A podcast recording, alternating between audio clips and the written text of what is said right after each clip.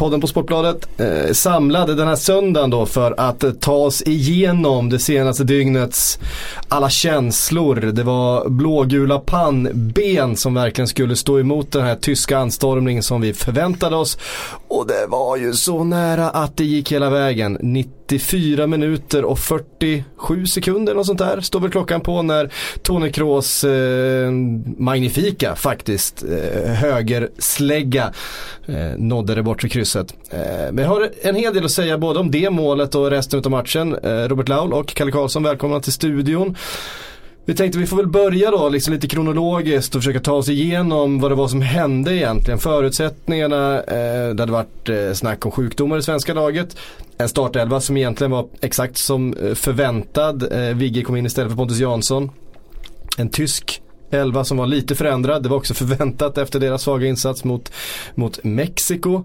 Fick vi en matchbild Eh, inledningsvis som var förväntat. Jag tror att Sverige, när, när eh, Marcus Berg blir nerriven så tror jag det är Sveriges åttonde passning eller något sånt där som, som leder fram till den straffsituationen. Jag tror Sverige hade 8% eh, bollinnehav i det läget.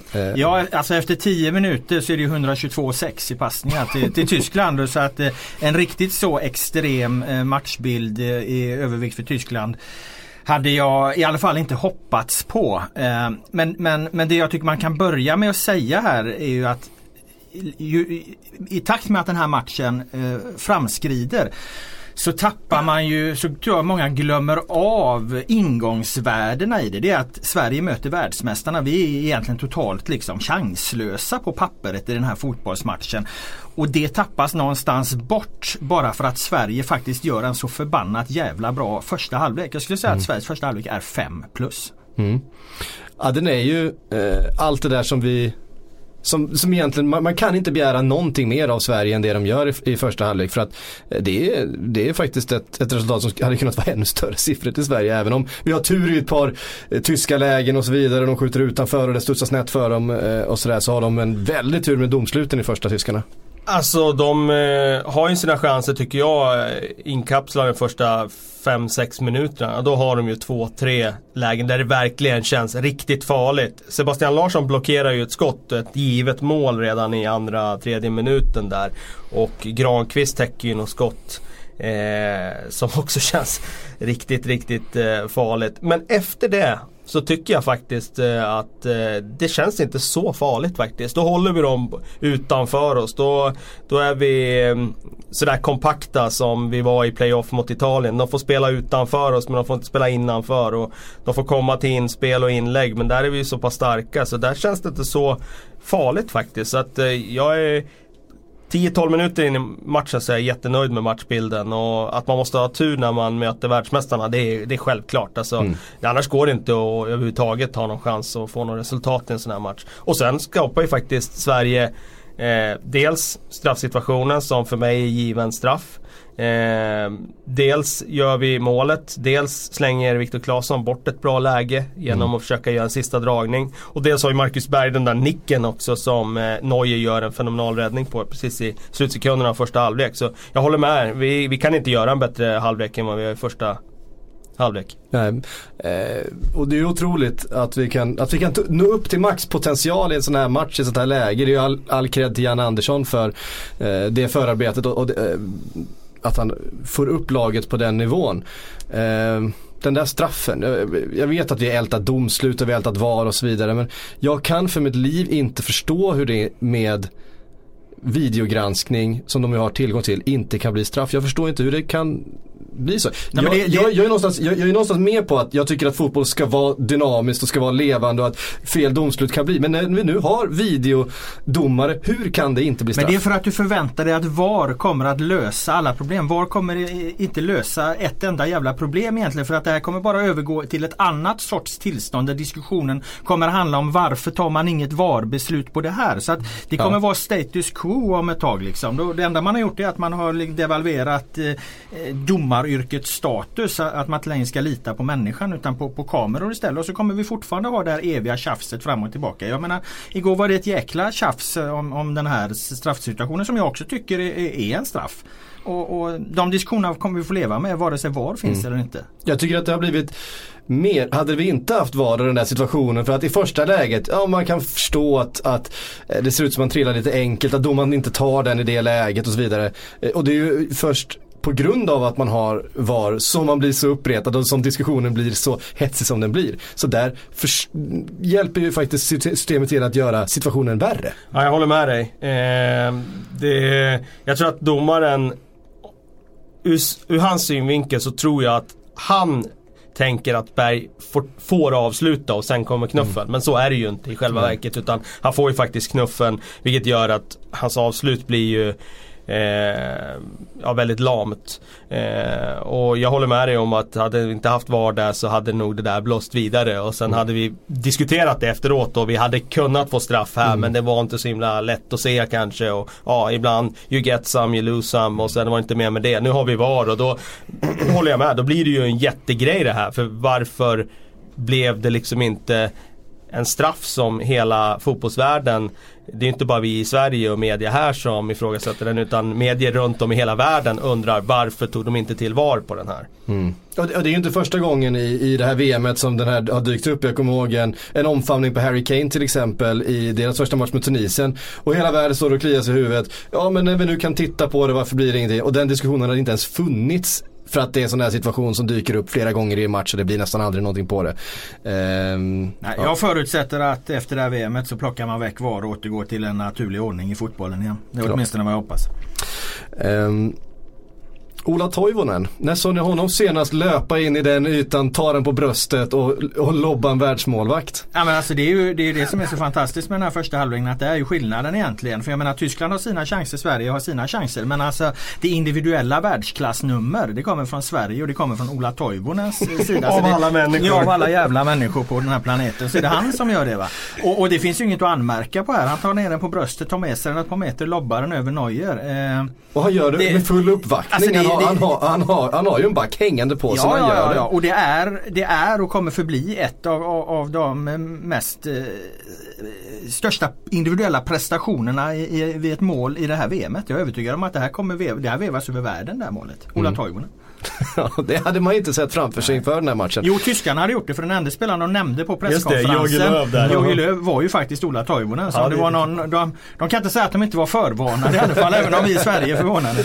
Uh, det är ett fantastiskt mål. Jag vet inte om jag någonsin har sett Ola Toivonen med en så tekniskt, eh, ett sånt tekniskt nummer. I... Det är ett Zlatan-mål. Ja. Det är ju Zlatan som gör sådana mål i det här landslaget. Han är med, då kliver Ola fram och, i hans skugga. Ja, det är alltså en spelare som inte har gjort ett enda mål den här säsongen i, i sitt klubblag. Nej, det kan man inte tro när man ser den avslutningen. Eh, Neuer liksom får agera tennispublik vid, eller tennisspelare vid en lobb. Han tittar bara på den i luften och följer den och konstaterar att jag är chanslös. Ja, det, är, det är ju ett magiskt mål. Och det är så synd att ett sånt mål inte får bli det där klassiska ja, målet som ja. vevas om och om och om och om igen. Som Kenneth Andersson mot Brasilien har gjort. Just för att eh, det också ger oss eh, poäng och en, liksom, en, ett resultat. Eh, målet som då kom eh, ganska tidigt i matchen gav ju då förutsättningen att vi, vi hade en timme anstormning från Tyskland att, att förvänta oss. Mm. Eh, och känslan vid halvtid var ju ändå andas ut liksom. Det, var, det, det, det blev ett, ett våldsamt eh, tyskt mm. tryck. Ja, eh, men i, i, första halvlek efter målet där så känns det ändå ganska lugnt tycker jag. Där är Sverige mm. jävligt bra. Och, och jag menar det är väl Berg har ju en nick som smiter mm. tätt utanför. Den är ju egentligen... Han räddar den. Han räddar den. Ja, han, han tar den. Ja, ja, precis. Det är ju egentligen den, bästa, det är ju egentligen den bästa målchansen eh, efter Toivonens mål. Liksom. Mm. Tyskland skapar ju inte en så farlig målchans i, i, fram till halvtidspausen där. Så att, jag menar det understryker ju någonstans att eh, eh, första halvlek är 5 plus av Sverige. Ja. Det, det, går liksom inte att komma fram till något annat. Det var en historisk halvlek så långt. Och det understryker det där med lag som försvarar sig så lågt. De orkar springa Eh, på ett annat sätt då eh, i första halvlek jämfört med vad man gör när matchen är inne på minut 75 och framåt. Då mm. orkar man inte ta de där extra metrarna. Men vi kommer ju komma till det sen just med andra halvlek där. Men jag håller med. Jag är inte alls orolig i första halvlek där efter målet. Jag tycker det känns superstabilt då. Att Tyskland har boll och att de barrikaderar vår planhalva. Det får man köpa liksom. Det, så är det. Mm. Eh, halvtidspaus. Andra halvlek börjar 1-1. Ja, det är alltså det är egentligen den värsta grejen i hela den här matchen. Det är att Tyskland får det här målet så jäkla tidigt. Det känns inte mm. som Sverige är riktigt med de här första minuterna. Eh, Påminner lite grann om första minuterna första halvlek också. Ja liksom, och det, det kommer där från kanten. Jag tror det är Lustig som först inte hänger med och eh, vad heter han? Eh, Werner, Werner på kanten mm. som ju sätts ut där i och med det bytet som, som Löv gör i paus. Och sen är det väl Lindelöf tror jag som inte riktigt är med centralt och att, att, att få 1-1 så jäkla tidigt, att inte hålla det längre, då vet man okej, okay, eh, nu kommer Tyskland få så jäkla många chanser. Mm. Hade det där, mål, det där målet, ett sånt mål ska ju komma i den sista anstormningen istället, mm. då kan det bli 1-1 liksom. Men, när man får 1-1 tre minuter in på andra halvlek och, och, mot en övermäktig motståndare, då kände jag att det här blir jobbigt alltså. Ja. Mm. Ja, då var det riktigt jobbigt, för precis som du säger eh, när Werner kommer ut där på kanten, det är ju ett matchvinnande byte. Ja. Får man ju säga av Jogi Löw. Han stoppar in Gomes ja. som forward, han stoppar ut Werner. Vi kunde ju inte hantera Werner och det ska ja. man ju komma ihåg. Det är Durman som orsakar den sista frisparken men Lustig hade ju jätteproblem med Werners snabbhet också. Han gick ju utsida på det målet. Och precis som du säger Della, den går ju förbi Lindelöf. Och jag tror, hade inte Lindelöf kört sin den här långfärdsskridskoåkning-posen när han har händerna bakom ryggen. Då tror jag att han tar det inspelet faktiskt. Mm. Annars har jag ingenting att anmärka på. Det är väldigt små eh, tillfälligheter som gör det. Granen är där och är tight med sin motståndare. Ludde Augustinsson är också tight med sin motståndare. Och den studsar ju upp på, nästan på knät på Royce när han gör det målet. Så det var otur. Men jag håller med, det blev, en, det blev tufft då mentalt. För det som hände direkt efter det målet, det är ju att Kroos vandrar in, tar ett skott som ändrar riktning, som går ja. en decimeter utanför stolpen. Det hade kunnat bli 2-1 redan där, alltså då var vi, då var vi i brygga. Mm. Och sen kändes det som att vi aldrig riktigt tog oss ur den där bryggan under, under andra halvlek. Det blev väl lite, eh, lite mindre liksom boll inne precis framför Sveriges mål eh, under en kanske 10-15 minuters period. Sen kommer då det här som i många fall skulle kunna vara matchavgörande när Tyskland får Boateng utvisad. Eh, min, min känsla var då, det här är det bästa som kan hända Sverige. Eh, de har redan, de är nog nere på, på två stycken backar varav en utav dem är Kimmich. Eh, problemet här som jag ser det är att Tyskland behöver inte ens förhålla sig till det. Alltså, min tanke var, ja perfekt vi stoppar in Kiese Thelin. Han ska ju stå på Rydiger. Alla rensningar, alla bollar ska upp dit och bli en 50-50 situation. Rydiger, Rydiger kommer vara tvungen att faula Kiese Thelin för att han kommer vara så exponerad och så ensam där bak. Vi får en hel del frisparkar på offensiv planhalva, vi kan döda tiden, vi stör matchrytmen. Men det här händer ju inte. Och varför, varför orkar inte, varför klarar inte Sverige att utnyttja eh, det här numerära övertaget som blir? Ska jag ta den? eh, nej men alltså eh, Från det att utvisningen kommer så tycker jag att vi eh, tyvärr går ner oss. Vi har en jättemöjlighet då. Eh, Tyskland sätter ju verkligen och lägger in allt på svart. Ja, precis. Och när de har spelat upp i, tidigare i matchen så blir de en en trea där, där Tony Kroos faller ner och bildar en trea och vi kommer inte riktigt åt dem eftersom vi bara har två forwards som kan pressa där framme. När de får utvisningen så då är de bara två där nere. Och jag tycker vi skulle hantera det bättre. Det är ju så otroligt lätt att säga med facit i hand men mm. hade vi skurit av Kroos då när de blev 10 man. Då tror jag att Tyskland hade fått problem om Rydiger skulle ha skjutit upp spelen. Men det som sker jag kollade faktiskt om matchen i natt här en gång för att bara se vad det var som hände verkligen. Eh, det är att Tony Kroos får ännu mer inflytande i spelet efter utvisningen. Han får slå alla bollar. Mm. Och han ska helst ta så lite boll som möjligt. Det var ju det vi pratade om inför matchen. Men eh, när vi var en man mer, då hade vi kunnat offra Gudetti på att bara skära av och stå nära Kroos. De andra tyska spelarna, Rüdiger, eller Kimmich för den delen eller Hector. De, de kan få ha bollen.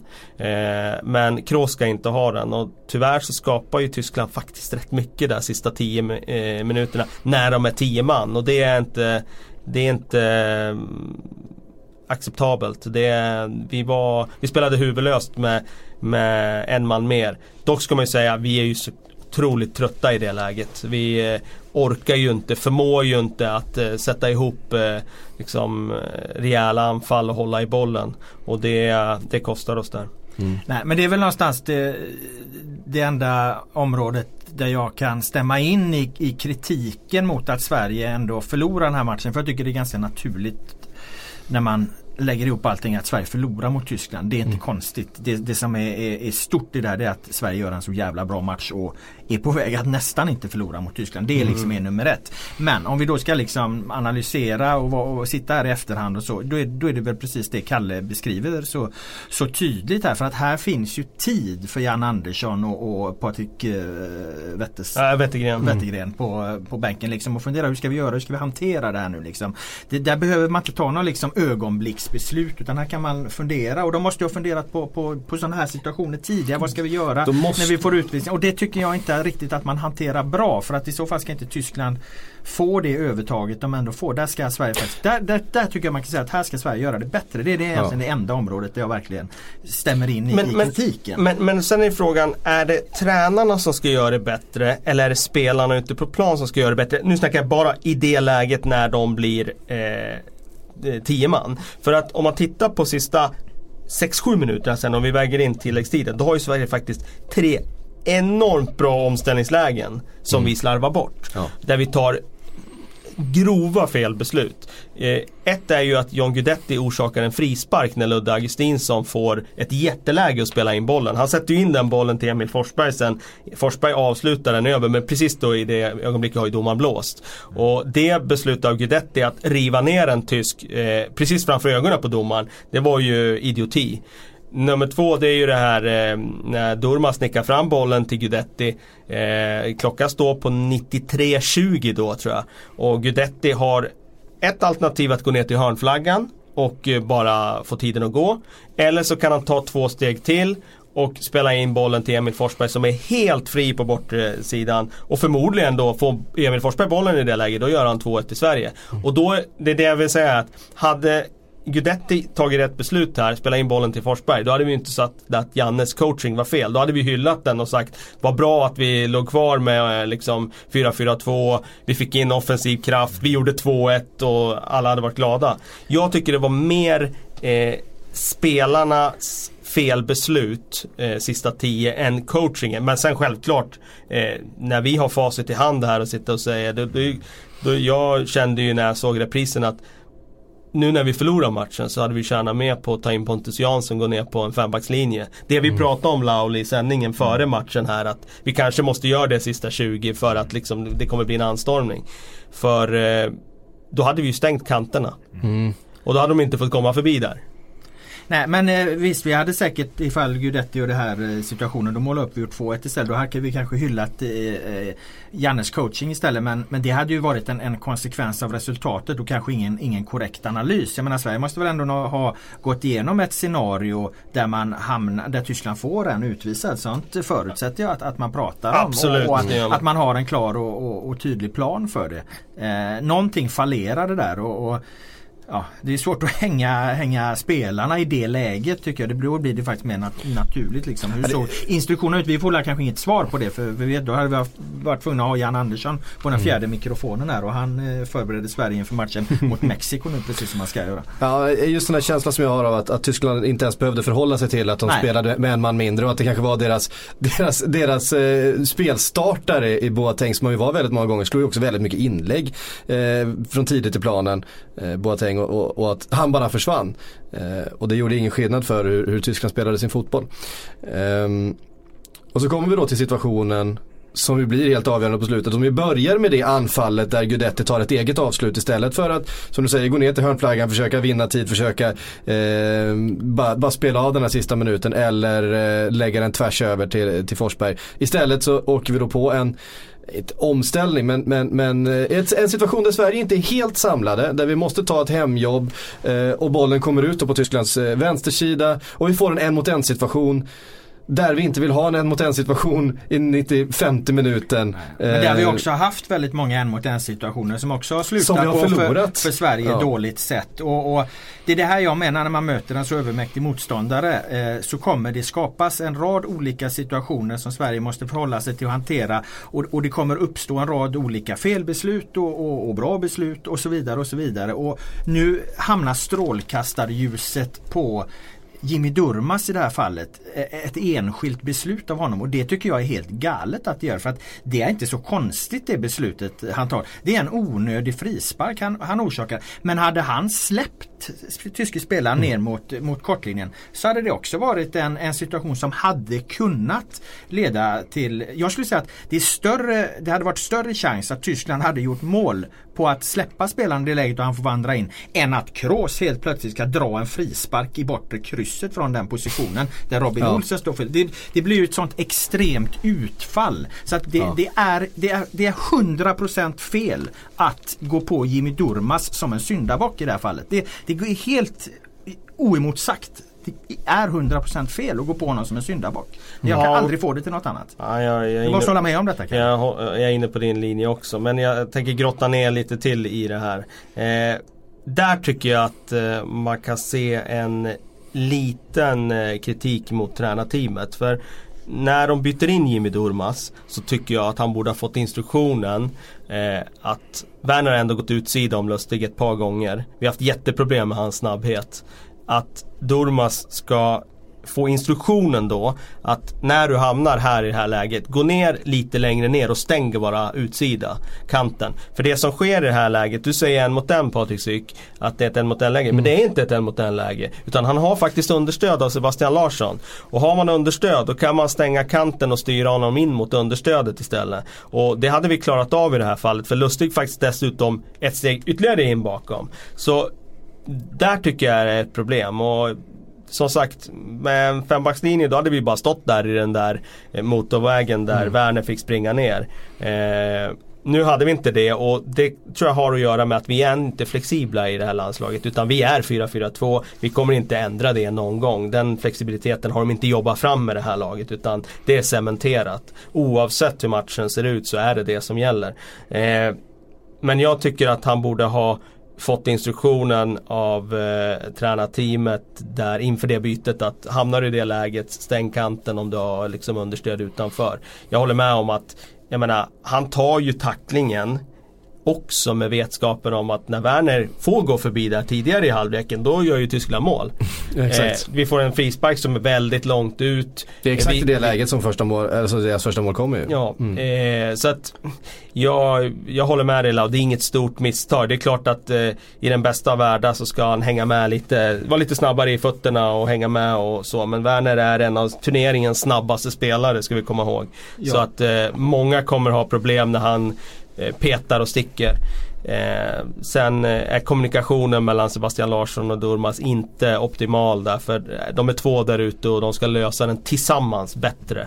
Eh, och det tror jag att Sebastian Larsson, eh, det är det han är missnöjd med direkt efter att han ja, vi, vi, vet ju inte vad han säger till Durmas i den situationen men jag tror han kanske säger eh, liksom stäng utsida eller vad han säger och då eh, då tar vi ju ett litet felbeslut i det. Men grejen är att Jimmy Durmas är ju en spelare som har sina kvaliteter offensivt. Det råder ingen tvekan om det. Jan Andersson byter ju in honom för att han har haft Viktor Claesson där tidigare. Viktor Claesson också en, en, en spelare eh, med offensiva kvaliteter och det har fungerat bra. Men Claessons energi har, har tagit slut. Han är trött helt mm. enkelt. Det är därför, Jimmy, det är därför Janne byter in Jimmy Durmas för att han vill behålla ungefär samma sak. Eh, man, man, vet vad man får. Vi, vi, vi vill fortfarande kunna, kunna vara bra framåt på den här kanten och, och hjälpa till bakåt bakåt. Liksom. Durmas är snabb och, och, och så vidare. Och, och, då får man får inte 100% bakåt. Det, det, vet man om. Men jag kan inte egentligen klandra det där bytet så. För att det är ändå någonting som fungerar som han vill upprätthålla där.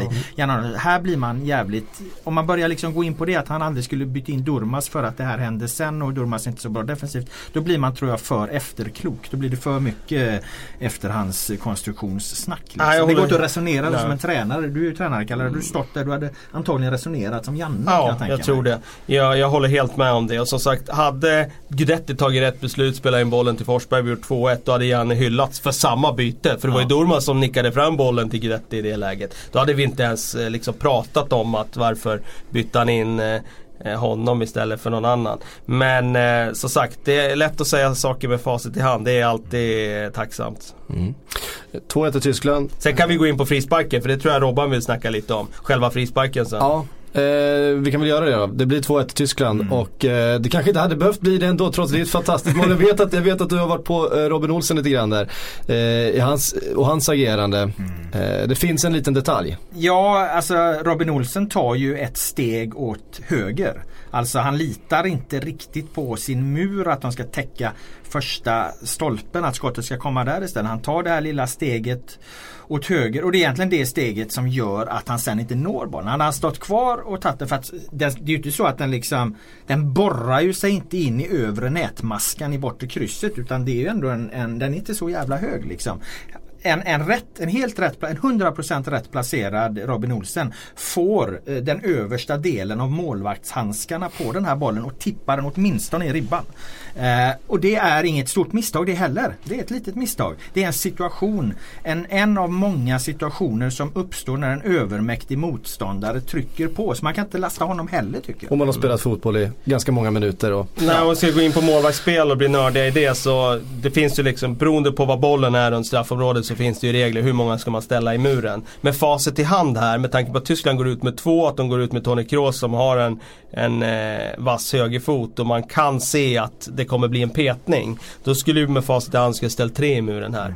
Enligt målvaktsskolan är det rätt att ställa två i muren utifrån bollens position. Men vi skulle ha ställt tre i den där muren. Vi hade dessutom en man mer på plan så vi hade i alla fall haft tillräckligt med folk inne i eget straffområde. Men hade vi stått två i muren, då hade den yttersta spelaren i muren, låt säga att det också ändå hade varit Sebastian Larsson, han kan sprungit rakt fram mot bollen. Då hade det inte blivit mål. Lätt att säga med facit i hand. Det är, det är, besluten ska tas där ute på plan på någon sekund och det är, det är jättesvårt att Nej, göra. det är hur man än vänder och vrider på det. Inga stora misstag. Och Nej. det hade inte den situationen uppstått hade någon annan kunnat uppstått. Och, De menar, hade ju stått måste- i stolpen precis de hade innan. stått i stolpen Man innan och Robin Olsson har precis gjort en jätteräddning på, på, Nicken där. på Gomes nickare va? Man måste kunna förhålla sig Eh. till vad som är ett misstag och vad som inte är ett misstag och Mm. vad som är liksom bedömningar som, som eh, hade kunnat sluta på andra sätt och så Mm. vidare. Anna- Annars så, så Annars har vi inga ramar att förhålla oss till i det här spelet och här finns inga stora avgörande misstag i, i någon av de här situationerna skulle jag säga. Eh, när, när den här frisparken sker, vad, vad, vad, mitt hjärta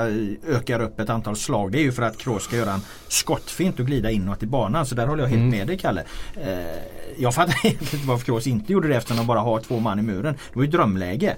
Vad fan en skottfint på, på eh, Sebastian Larsson. Jag menar, han Ja. hade hoppat upp i luften med röva före så att han landat än.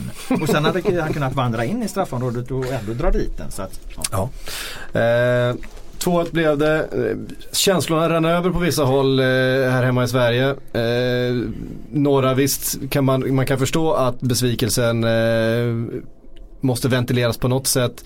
Eh, hat och hot och rasism och helvete. Eh, Nej, det- bör- är liksom ingenting som borde finnas eh, alls. Men frågan har ju kidnappats. Det har ju för fan politiska krafter gått in och, och pratar om att det här var ett exempel på eh, att vi hade eh, Durmaz med i laget och så vidare. Alltså, så det, det, det är ju så vansinnigt att den här, det här är ju ett jävla gift som finns Ja. i vårt samhälle. Ska det här giftet sprida sig i, i fotbollen? Här måste ju alla människor som, som har en röst eller en penna markera med kraft mot den här skiten liksom. Alltså det Ja. sitter ju politiker idag och, och säger att det här beror på att Jimmy Durmaz är den han är. Det är ju så jävla eh, idiotiskt, tragiskt, sorgligt, bedrövligt, eh, lågt, eh, vedervärdigt så att, så att jag vet, det finns inga ord. om man inte vill eller kan skilja på personen Jimmy Durmaz och en fotbollssituation eh, i en fotbollsmatch.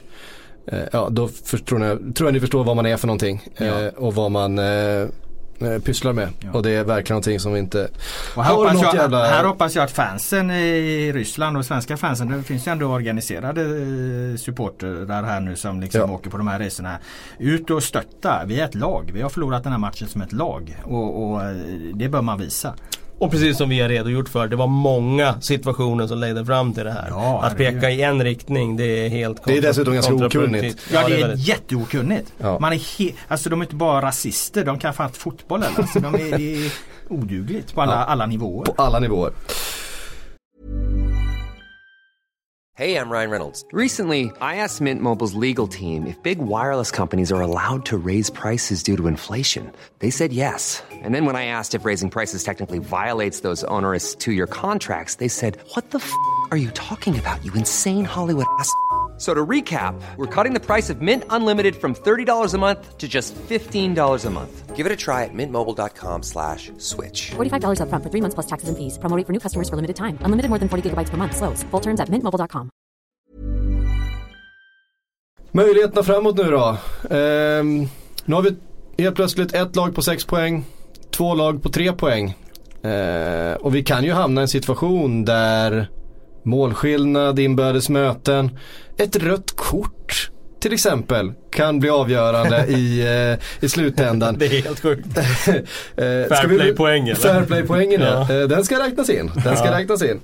Fast inte om Sverige vinner med 1-0 eller något annat. Så länge Sverige vinner så är det skitsamma vad som händer. Då är vi. Eh, Ja. Nej, det är inte säkert. Det är inte säkert. Ah! Därför att... Eh, fan har det ändrats igen den? vi- Vinner Sverige mot Mexiko, då står Sverige på 6 poäng. Mexiko på 6 poäng. Om då Tyskland vinner mot eh, Sydkorea, vilket vi då måste räkna Ja, vi in. ju pratat för lite om att Sydkorea kan gå vidare här tycker jag. Sydkorea kan gå vidare. Ja. De kan faktiskt. De är inte helt... De har det eh, i egna händer. De har det i egna händer. För slår de... Nej det har de inte. Nej, De har inte egna händer. Men om Mexiko- de måste lita på att Mexiko slår Sverige. Om Mexiko slår Sverige och Sydkorea slår Tyskland med ett vi- visst antal mål, då är det Sydkorea som är vidare tillsammans med Mexiko. Eh, Det är Men, nästan, men skit i det, vore för det, kom, det kommer inte hända. Det kommer inte hända, om, om, men- om, om inte Tyskland vinner mot Sydkorea. Jag menar, man brukar säga att man ska äta upp sin hatt. Jag äter upp min katt om, om, om, om inte Tyskland vinner. Den jävla katten har ju ändå tippat fel precis nu. Ska den skickas till slakt eller någonting. Så att, Kan, kan, vi, kan vi få skrivklipp på det? Men nej, men, eh, Nej, det kommer inte hända. men det här måste eh, du reda ut. Psyk, här måste råda total klarhet. Jag fick Mm. 100% igår att 1-0 räcker för Sverige oavsett vad som händer i den matchen. Menar du att det, den uppgiften, stämmer inte det längre eller? Om Tyskland, om Sverige vinner mot Mexiko med 1-0. Då hamnar eh, helt enkelt Mexiko och Tyskland på samma antal gjorda mål, samma målskillnad, samma poäng. Eh, och då är det fair play, tror jag. Eller är det så, fan nu, Inbördes möte. eh, inbördes möte måste Borde det bli mellan dem då. Ja, exakt. Det borde bli så. Eh, Nej, det är lite krångligt det här. Men det rör ju å andra sidan inte oss så mycket. Nej, det, som, det, som, det som blir stökigt är ju att Sydkorea-matcherna räknas bort. Det är ju det som, det är det som eh, För Sveriges del är det fortfarande ganska enkelt. Ja. Vi behöver vinna den här matchen. Och det tycker jag är en Ja. ganska eh, bra eh, utgångspunkt i Ja. fotboll. För det är vad det här spelet handlar om. Ja. Och jag tror inte att Sverige har, eh, är helt chanslösa att vinna den här matchen. Jag tror att Sverige är ett typiskt motstånd som ett lag som Mexiko inte tycker om att möta. Det här är ju ett lag som vill ha ytor, som vill ställa om, som absolut inte kommer få göra något av det här mot Sverige. De kommer få stå och rulla boll. De kommer få stå och rulla, rulla boll och rulla boll och rulla boll och rulla boll i en evighet och försöka slå något inlägg eller instick. Och, eh, det är inte så Mexiko har gjort sina mål, det är inte så Eh, de har varit fra- framgångsrika så här långt. Så de måste plocka fram någonting annat ur sin verktygslåda för att kunna slå Sverige. Sveriges problem blir ju förstås som det alltid är för Sverige, det är att göra mål. För vi måste göra mål för att Ja, vinna men matchen. nu har Marcus Berg jobbat ihop till ett mål. Så den saken klar. Jag kan, inte jag se, jag kan inte se att han lämnar en tredje match mållös med dessa lägen han har haft. Nu måste det, måste det ringa där. Ja. Eh, absolut viktigaste förstås eh, att inte gå bort sig eh, defensivt mot det här mexikanska laget. För att, eh, vi såg mot Sydkorea att det går att göra mål på det här laget. Visst, nu plockade Son fram ett jävla drömmål här mot, mot Mexiko. Och det var en jäkla tur han gjorde det. Det var rätt viktigt det målet Ja. eh, i slutändan. Eh, ah, ah, det går inte så mycket att säga om. Jag, jag ser inte riktigt vem det är i svenska laget som ska smälla in den från, från 25 meter i bortre krysset på det där sättet som Son gjorde. Eh, ja, det är Sebastian Larsson då. Nej men det räcker med en bergtå från nära håll. Eh, jag är ju lite inne på att Mexiko är en bluff. Ja, det, alltså det här man ser i den, för, och här får du ta ner mig Kalle om du vill för det ska jag själv vara intresserad av att höra. Men alltså det de visar i den första matchen mot Tyskland så, så spelade inte Mexiko mot Sydkorea och så, så kommer eh, Mexiko inte se ut mot Sverige. Nej. Nej men det håller jag med om. Eh, jag håller Det är den bilden man har, liksom, Nej men att alltså det- det är ju precis det som du är inne på Psyk och du också här att eh, de kommer ju inte kunna få spela det spelet som de gjorde mot Tyskland och när de inte får göra det då är de inte lika bra. Men så länge de får spela det där omställningsspelet, vilket de kommer få göra eh, alla gånger de möter stornationerna i den här turneringen. Då tror jag att de kommer att ha ett omställningsspel som kan såra vem som helst. Vilket de visar mot Tyskland. Eh, jag tror att, eh, precis som du är inne på, det finns inget lag som passar Mexiko sämre rent taktiskt i hela den här turneringen än Sverige. Det skulle vara Iran då. ja, men jag tror just det Jag där det är med... ganska lika. Ja fast just det där med att Sverige har sånt längdövertag också när de kommer fram till offensiva svenska fasta situationer gör att Mexiko kommer vara oroliga för det också.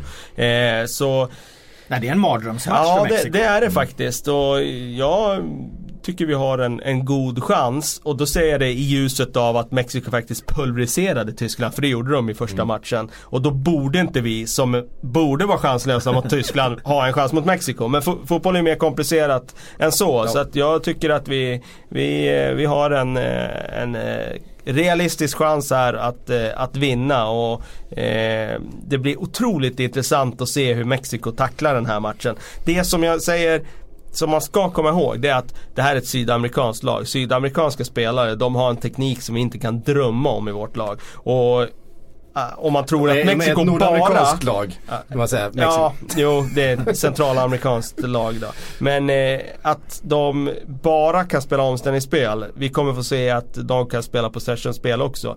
Däremot så har de problem att få spets på sista fjärdedel med sitt passningsspel. Och det blir intressant att se om de kan göra mål på Det oss. ska bli intressant att räkna sidledspassningarna runt Sveriges box där, där, där, de, där de har bollen, där vi tycker att de kan få ha den. Där kommer de ju också stå och, och passa fram och tillbaks under ganska vi kommer få se ett stort eh, in, bollinnehavsövertag i den här matchen. Ja, men det de saknar det är ju då vapnet i form av inlägg och så vidare. Där, där, den matchen i matchen ska ju inte Sverige förlora. Chicharito är en duktig huvudspelare, eh, Ja. det är han. Och, och får han Får han utrymmet att stå och nicka fritt in i, Ja, ja. i, boxen, då gör han mål.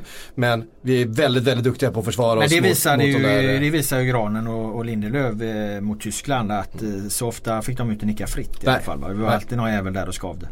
Det är egentligen det, det sättet jag ser dem göra mål på Sverige. Det är att eh, de får in ett bra inspel till Chicharito som, som, kan, som kan knoppa in den eller vinna, vinna eh, före en, en, en svensk back liksom på ett, eh, ett rappt inspel från kanten.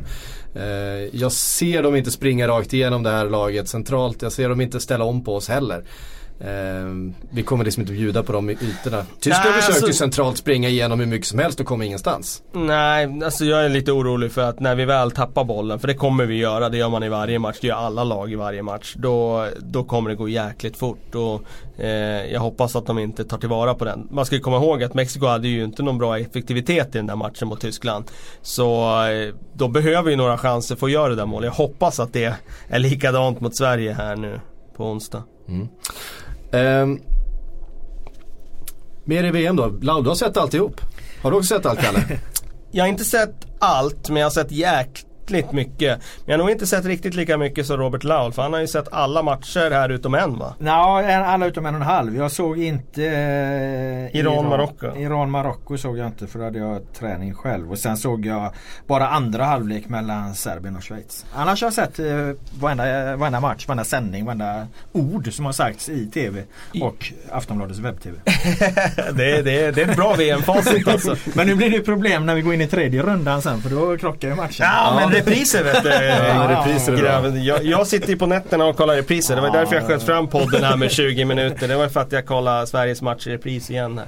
Men, eh, ja, nej, men det är ett bra VM-facit. Jag har nog eh, två, tre matcher som jag inte har sett. Det är ett fantastiskt VM så här långt. Ja, jag tycker det är 4 plus. Jag Fyra tycker plus det, jag tycker jag tycker det är, Alltså det har inte varit så mycket mål då om man har förstått sta, eh, statistiskt. Men det blir jag, det ska jag säga att jag blev jäkligt förvånad när jag hörde den siffran att det var målsnålast sen 90 om det nu var VM 90 om det nu var korrekt. Och att över hälften av målen kom på fasta. Det var inte den, det var inte den magkänslan man hade eh, om det. Och det tror jag beror på att även om det inte har blivit så himla mycket mål så har, har lagen liksom gått för det. det har, och det har varit en jävla nerv och drama. Det har varit oväntade resultat. Det har hänt mycket. Så Mycket att, eh, sena mål har det varit Ja, också, som har bidragit till den där nerven. Framförallt mycket drama har det varit. Ja. Och drama Det är det man vill ha. Ja, Ja, ja, precis. absolut. Det är det folk vill ha.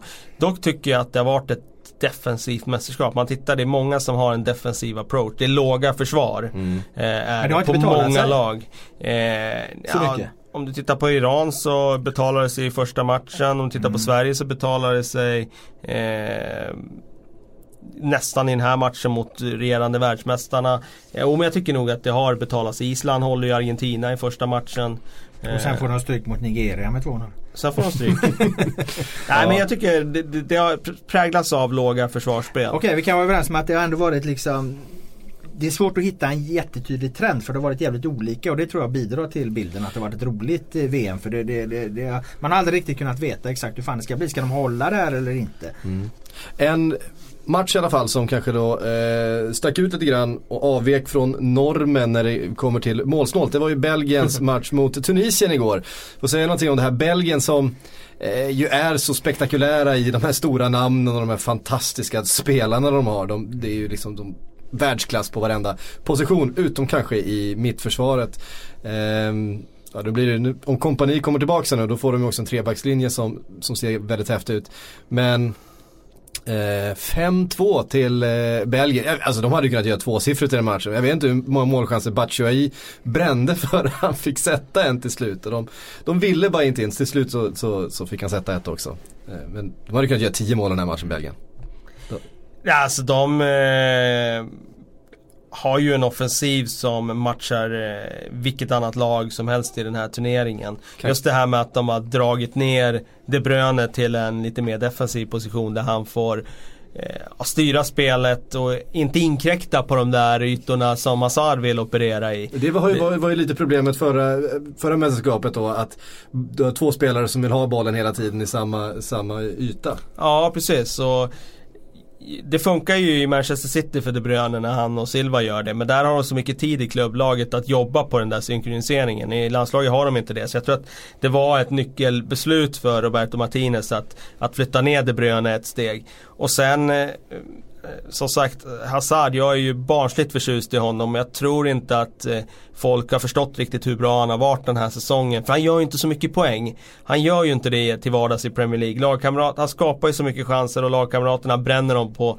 på löpande band. Och han gör inte så mycket mål. Vilket gör att när säsongen är slut och den ska summeras så är han ju så långt ifrån de här bästa spelarna när det handlar om eh, vad det är för siffror. Det är inte i närheten av Mohamed Salah, Cristiano Ronaldo, Leo Messi. Men spelmässigt så, så är han ju ofta uppe på den nivån. Och alltså jag tror att eh, de har eh, ett riktigt bra slagläge nu Belgien. För det är ingen som riktigt har räknat med dem som Man ganska bra lottning också i, mästare. Vilka, utan de får smyga med lite när de kommer mm. in i den här turneringen. Men tittar man på den startelvan så de har inte många svaga länkar. Det är Boyata nu då som mm. central mittback där som är oprövad.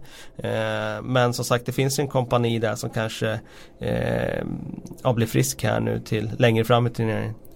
Jag skulle säga att det är rätt ovanligt i VM att laget, för det är alltid något lag som gör det, som liksom dansar sig vidare från gruppspelet vinner till slut. Jag gick faktiskt in och kollade statistiskt när hände det senast?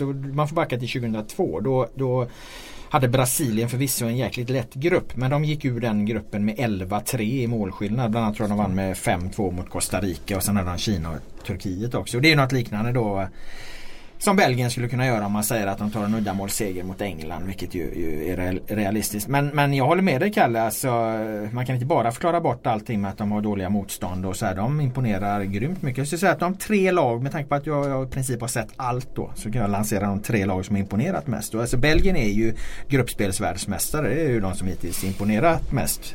O, o, ja, skitsamma vilket motstånd de har haft. Sen har du Kroatien och så har du Spanien.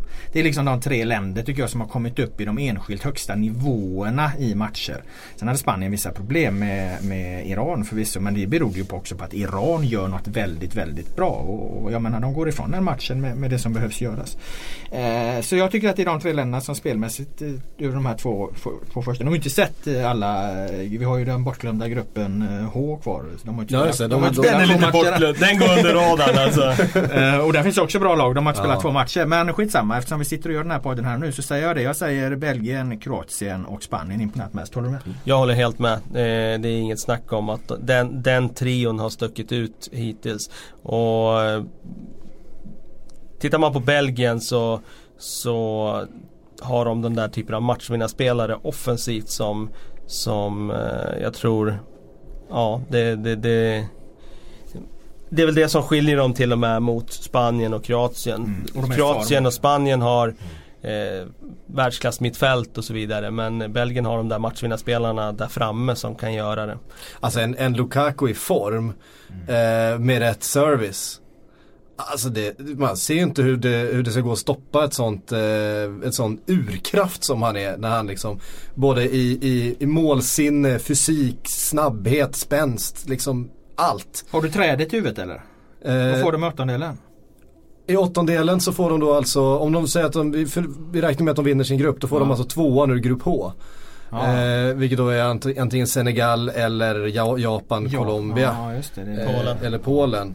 Eh, jag tror att Ja, Senegal kommer de vinna den gruppen så Ja. att jag tror att Colombia fortfarande har ganska stora, stora möjligheter att knipa en andra plats där. Eh, Ja men där tar ju Belgien, där är de vidare. De är vidare i kvarten, det kan vi ju räkna med. Vad får de där då? Har de det träd, eh, förgreningen i huvudet också? Är det Brasilien då eller? Då eh, måste det bli Brasilien ja. Om de har gått vidare då. Ja, eh, på, den, på den sidan eh, tror jag. Brasilien har ju en uppåtgående kurva. Ja, Brasilien, Brasilien, Costa Rica. Brasilien framme i kvartsfinal kommer bli ganska, ganska mycket att hantera också. Att, Men har ni tänkt på det, apropå det om vi ska spekulera. Kan det inte bli så här nu med tanke på att våran grupp är så jäkla öppen att, eh, och även brassarnas grupp är lite halvöppen. Alltså det kan ju bli Tyskland, Brasilien i en åttondel. Ja, Visst, absolut. Det är ju inte alls otroligt. nej, nej, nej. Alltså det skulle ju vara en rysare. Eh, och, och, Bra, Fredrik. med de spökena som finns från, från 2014. Ja, Eh, vi kan räkna med att i alla fall Brasilien som kommer stå helt stilla i eh, vid det Alltså, jag klockslaget. älskar- Alltså, men, men, för Ja, fan, jag, jag jag, får älskar- puls bara jag Ja, tänker men på jag det. älskar den här delen av fotbolls-VM nu när det börjar liksom Andra kristalliseras ja. och så börjar man titta omgången. på trädet. Så och så ser man vilka som ska Exakt. mötas. Det här är den bästa Det är en tiden. jävla högtidsstund va. Man Det har så mycket bästa- framför sig här. Man Och har sen- så mycket framför sig. Och sen är det så få lag som åkt ur än så det Ja. finns så mycket drömmar fortfarande. Sen slås ju Jag får många drömmar i tur. det. Eh, men jag håller med. Andra omgången i gruppspelet det är den bästa. Och då har man också fått lära känna lite nya namn som man har blivit förtjust i. Absolut. Och eh, Lozano till exempel. Eh, och, eh, Jag säger bara, kolla, kolla Senegal när, när de eh, möter eh, Japan här eh, senare, ja det beror på när du lyssnar. Men det, det är strax här. Eh, eller lite senare i eftermiddag. Eh, de har så mycket, alltså det finns så mycket snabba spelare i det här Senegal. Alltså när de ställer om och när de tar löpningar, alltså de knäcker motståndare. Alltså som Polen inte hängde med. Jag säger, vi har pratat om tidigare han eh, Ismail Assar. Nu gjorde han kanske inte sin bästa match här mot, mot Polen men han alltså fyllde, han är född 98. Eh, han gjorde ett sånt helt magiskt mål mot just Kroatien i genrepet eh, inför det. där Han löpte rakt igenom, tar ner en boll i full fart på, liksom med bredsidan på ena foten och slår in den under målvakten med andra foten i, i nästa tillslag.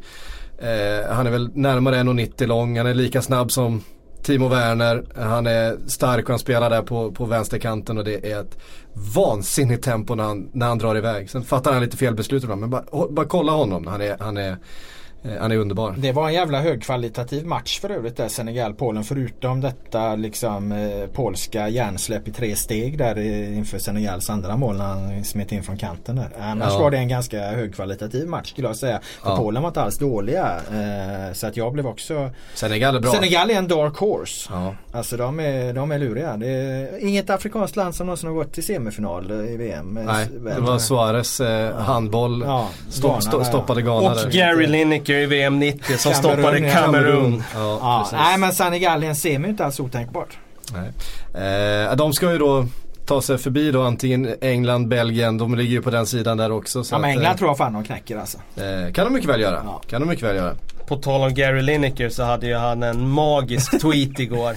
Han skriver ju bara samma sak för fan. Med lite Ja, olika men han- varianter eller? Ja men han är ju, så, han är, Han är han är ju han är väldigt faktiskt, rolig. han är ju Ja, ja, faktiskt är rolig ju- på Twitter, det måste man ju säga. Football is a simple game. 22 men chase the ball for 82 minutes and the Germans get the player sent off. So 21 men chase, chase the ball for 13 minutes and at the end the Germans somehow fucking win. det är så magiskt. Med tanke på hans odödliga citat tidigare så... Det är ju han, det är han som har sagt det från början. Ja men han kör ju på Eh, det spåret också. Han körde Ja. väl eh, någon variant på det när Sverige gick upp till 4-4 där mot, mot Tyskland också. Då Ja. vände, då vände han ju emot Tyskland. Han har ju gjort det några gånger man, har man sådär. levererat ett av fotbollsvärldens mest odödliga citat Ja. liksom, då får man ju ändå leva på det tycker Ja jag. det är till Gary. Eh, Du skickade ut och bad om lite frågor Kalle. Jag tänkte vi skulle hinna med dem före vi knyter ihop härifrån. Ja, men jag kan skicka en till Laul här. Eh, fan, jag ska ju hem till tv-soffan igen.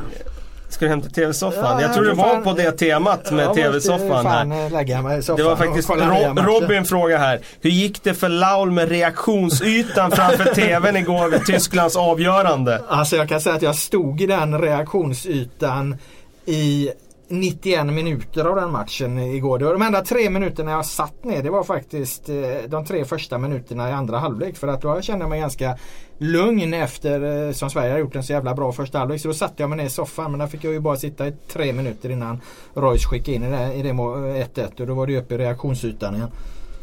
Vi tar en till fråga här till dig Laule. Felix undrar, var det inte konstig matchcoaching igår? Att göra ett rakt byte Berg mot Thelin med cirka 10 kvar och inte sätta in typ Pontus Jansson istället. Känns som alla lag på kontinenten hade gjort exakt det i exakt det läget. Janne måste ju ha sett att vi skulle försvara egen box. Ja, det var, pratade vi fan om innan matchen började att det skulle kunna hamna i ett läge då, då, då Jansson kliver in och man går ner på en, eh, en fembackslinje. Tre centrala försvarare. Absolut, men det är återigen lätt att vara efterklok. Samtidigt så är det ju ett läge då Tyskland, när fan görs det bytet? Har, har tyska utvisningen kommit då? När, när då? Vad sa du? När det bytet görs? Eh, Ja, ja, ja, tror ja, ja, har ja, Då, ja, har ju, då, har ju, då är ju Sverige fortfarande eh, en man mer. Alltså, så det kan ju vara en sån tanke också. Att de har en bestämd plan och blir vi en man mer då ska vi göra så här. Så att jag känner att jag ändå har lite Även om det är väldigt lätt att, att säga att in med en tredje mittback så, så har jag nog fan lite, för lite information egentligen. Jag kommer ställa två frågor nu som visar hur svårt det här är. Joakim han frågar så här. Gjorde Janne rätt som satsade offensivt? Eller skulle man säkra ett kryss även om Tyskland var 10 man? Alltid lätt att vara efterklok skriver han. Sen skriver nästa fråga så här. Jonny skriver. Skulle vi ha vågat mer och gått för segern vid efter utvisningen? Borde gjort andra byten om vi nu var nöjda med 1-1 och ville stänga matchen. Ja, det Ja, säger väl det är- en del om hur svårt Exakt, det är. Och det är där allting landar i. Men jag tycker att det du egentligen, den analys du egentligen gör vad som händer efter utvisningen. Det är det som är mest giltig. Att, att Kroos får mer ytor och, och Tyskland får det spelövertaget. Det är någonstans där tror jag man måste börja analysen och titta på varför Det är blir det största felet så? som Sverige gör i ja, den här matchen. Ja, varför blir det så? Och tyvärr är vi så trötta i det läget. Ja, och vi det går kan på vara knäna då. Eh, att vi inte får Och då kan man vilja in en anfallare för att kunna fortsätta eller gö- göra det man är, har Ja, få fast bollen där ja, uppe och sådär. Så att det behöver heller inte vara fel. Ja. Lukas säger hylla VNL och Seb Larsson och det kan väl jag ta upp då för att jag tycker att han eh, Victor Nilsson för Lind... Vigge för guds skull, inte VNL. Sluta med dessa förkortningar. Okej, vi, vi, vi, vi hyllar Victor Lindelöf. Eh, jag tycker han var fenomenal igår. Eh, det var en jättetuff match på både, för både han och Granen. Stå där när det regnar in inspel och man måste flytta upp den där linjen varje gång. Eh, för att inte bli överspelad i nästa läge, lämna yta framför sig. När man väl har flyttat upp då kommer Werner med sin snabbhet eller Royce eller någon annan och sticker in bakom. Då måste man vara med på det. Jag tyckte de var formidabla igår båda två. Och för mig var de eh, Ja, de var så bra som de överhuvudtaget kan vara. Så de var 5 plus i min bok. Båda två faktiskt. Eh, Sebastian Larsson tyckte jag gör sin bästa landskamp någonsin. Jag, jag vet att han eh, redan i första halvlek tänkte jag hur ska han orka springa så mycket som han gör utan boll i försvarsspelet. För han fick springa enorma eh, sträckor för att täcka ytor. Och jag tyckte dessutom att han tog väldigt mogna beslut med bollen. Eh, och det var ju faktiskt han som slog en, eh, en riktigt fin frispark på pannan på Berg också som hade kunnat inneburit ett 2-0 mål precis i slutet av första halvlek. Så att Seb Larsson i min bok var också eh, briljant igår. Ja, alltså jag, ty jag tycker det är rätt att det är där vi landar alltså. Man blir så färgad av resultatet. Men någonstans är det ju här en fantastiskt bra insats av, av Sverige sett till prestation. Sen är du och jag aldrig riktigt överens om de exakta betygen Kalle. För att vi har lite liksom olika utgångspunkter vad, vad, vad vi bedömer och så vidare. Men, men den diskussionen kan vi ta i bilen här. Ja, Ja, jag tar ytterligare frågor här. Olof, han eh, undrar vilket lag som har imponerat mest. Så det har vi gått igenom. Vi slog fast det var Belgien, Kroatien och var Spanien. Men han säger också vilken spelare har imponerat mest? Laul, du kan ju ta den som har sett varenda minut här. Eh, ja. Eller vilka spelare? Ja, alltså jag, jag jag, jag satt och funderade lite på det innan och eh, jag skulle i så fall vilja lyfta de spelarna som har varit mest avgörande för sina lag. För det tycker jag kanske är, är mer intressant. Och det är ju givetvis då, och det känner ju alla till, men det är ju Ronaldo. Han är ju, han är, han, han är är ju fyra poäng för Portugal. Han är ju anledningen till att Portugal lever i den här turneringen. Portugal är ett lurigt eh, lag liksom. Vann EM eh, så sent som för två år sedan och, och, och Ronaldo kan ju göra det mesta det vet vi. Så att där skulle jag vilja ha en. Jag skulle vilja lyfta Coutinho också. Han är på samma sätt också helt jävla avgörande för att Brasilien lever i, i, den här, här turneringen. Och sen min tredje skulle jag säga det, det tycker jag ändå som har varit lite i skymundan ändå men ändå drämde till med det fantastiska skottet mot Argentina. Det är Modric. Jag tycker det är fint att han får liksom eh, explodera i en, i en eh, VM-turnering och visa här i VM. För jag, vi som inte följer liksom klubblagsfotbollen så jäkla noga liksom, så är det, jag tycker det är fantastiskt fint att se, se Luka Modric i den här turneringen. Han är ju en sån, han är en sån vacker fotbollsspelare på så många sätt. Alltså, han, han, eh, hans sätt att spela fotboll på. Alltså eh, upprinnelsen till det som är första målet va, det är när han vinner bollen och stöter fram en djupledsboll. Han, det är en brytning och en djupledsboll sam, i, samma, i samma tillslag. Nej det är inte det. Det blir inte mål den Nej det gången. blir inte mål den gången, Nej. Nej, jag blandar upp situationen lite Ja. grann. Men bara, det där är Luka Modric och hans fotbollshjärna som är på något sätt bara lite, lite före allt och alla andra på planen hela tiden.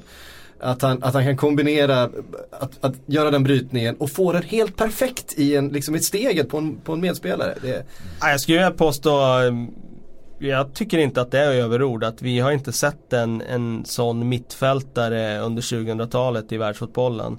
Eh, det har funnits spelare som varit bättre. Det vill jag verkligen slå fast. Jag, Iniesta när han var som bäst var bättre, han var snäppet bättre. Men det har inte funnits någon som har det försvarsspelet som han har. Han täcker ju ytor som en Golo Kanté. Och han har ett lir som nästan är på Iniesta nivå. Och han kan skjuta från distans, han kan göra allting. Och just den där kombinationen av försvarsspel och offensiv briljans och att han är en lirare i grunden. Det är en liten tekniker. Det, det gör honom unik.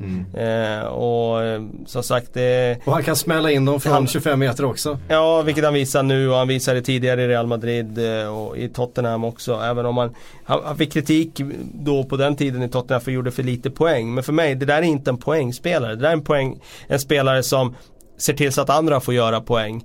Och eh, hade det funnits hockeyassist i Exakt. fotbollen då hade han haft massor sådana. Ja. Jag måste slänga in en joker också. Ja. Som jag inte har sett så mycket tidigare. Jag har bara hört talas om med stora övergångssummor och så här. Men det är ju Mbappé var ju rolig att se Ja. lite, lite grann av mot eh, Helt Peru. otroligt att han, att han är tonåring Ja, fortfarande. fan, Alltså, det- grabben är ju, vad är han? 98. 18-19 år. 98. Alltså, han, fyller, han fyller 20 senare i, i höst här, va? Jag tycker han har inte levererat på de andra spelarna vi talar om på deras nivå liksom. Men, men, men det är kul liksom för den bredare fotbollspubliken då som inte följer de här ligorna så, så jäkla slaviskt som ni gör. Att se den Mbappé för det, det, han, han kommer nog få höra talas mer om. Ja, det känns som det. Vad kostar en och en halv miljard? Är de uppe i sådana jävla summor alltså? Ja, är det sinnessjukt, stämmer. alltså. Det är korrekt. Absolut. Eh, så är det. På tal om eh, miljardmän så väntar man lite grann på att Neymar ska komma igång också. Det känns som att han spelar med lite, med lite smärta. Eller han spelar med någonting som stör honom. Eh, Det är, sen fick han ju rätt mycket stryk emot Schweiz. Men han, Eh, han, han, han vill ju så mycket och, och han, eh, så han värderar ju fel. Alltså han är ju han är inte kall i situationen. Han vill så jävla mycket. Han vill få igång, han vet vad han kan. Men så, så han försöker hela tiden och då blir det inte bra. För att jag menar han, nio av tio gånger blir, blir han ju för fan av med bollen. Ja. Eh, han, han värderar fel och det tror jag är liksom, det är någon slags överambition här. Eh, att han vill så jävla Vad fan han grät ju efter eh, han fick dra in sitt mål där. Alltså det var nog Det var nog lite som släppte där också kanske. Alltså de Han har scenerna för en, han har mycket på sina axlar, det ska man komma Ja, ihåg. ja, Alltså. men han klarade ju att ha det hemma vid. Han var ju- var ju tillsammans med Thiago Silva den enda som var bra för fan i Brasilien 14. Och var inte med i 1-7 matchen. Nej, Nej. det var ingen av dem var med där. Men, men Neymar levererade ju. Jag menar han hängde två mot Kroatien premiären 14. Så, så Ja, jag hoppas och tror att det lossnar lite för honom nu för att eh, det har varit tyngd på hans axlar. Där får man ju säga att eh, det skedde väl en rokad där som kommer att prägla resten av turneringen tror jag. William ut, Diego Costa, Costa, ja, in. Ko- eh, eller Douglas, Douglas Costa, Costa. Douglas Costa Ja. in. Douglas Costa var ju avgörande. Ja, verkligen. Eh, verkligen. där. Och eh, det drabbade min VM-11 för jag hade William kvar i den. Jag ångrar bittert att jag inte bytte ut honom men eh, så är det. Även, Jag har ju i alla fall Lu- Lukaku som lagkapten i mitt lag. Oj då, oj då. eh, även faktiskt att Firmino kom in. Eh, förändrar, förändrar en hel del av den eh, matchbilden. Han, han spelar ju fotboll också på ett lite annat sätt. Ja men Costa är så bra mot de här låga försvaren tror jag. Alltså det, det är fan eh, Han ska vara Hyfsat med på snabba plan. fötter på Han honom. skojar du? Eh, hörni, det har varit en, eh, det har varit en förtjusande söndag så här långt med, med poddinspelning. Nu ser vi fram emot eh, att få knyta ihop den här andra omgången utav gruppspelet eh, under eftermiddagen här och kliva in i den eh, tredje avgörande då. Mm. Före vi rör oss mot eh, slutspelet, det riktiga slutspelet som börjar med åttondelsfinalerna senare i veckan. Mm. Hade ja, något mer att tillägga ja, innan du stänger av. Jag får ju understryka då så jag inte retat upp några djurvänner här nu med min katt. Liksom, att, eh, det är en jättesöt katt som jag tycker väldigt mycket om. Ja, och, och vi, inget, vi, håller på Tyskland. Inget ont ska hända eh, Svea, det kan ni vara lugna på. ja, det får runda av då. Tack Kalle, tack Robert för att ni kom hit. Vi hörs eh, snart igen.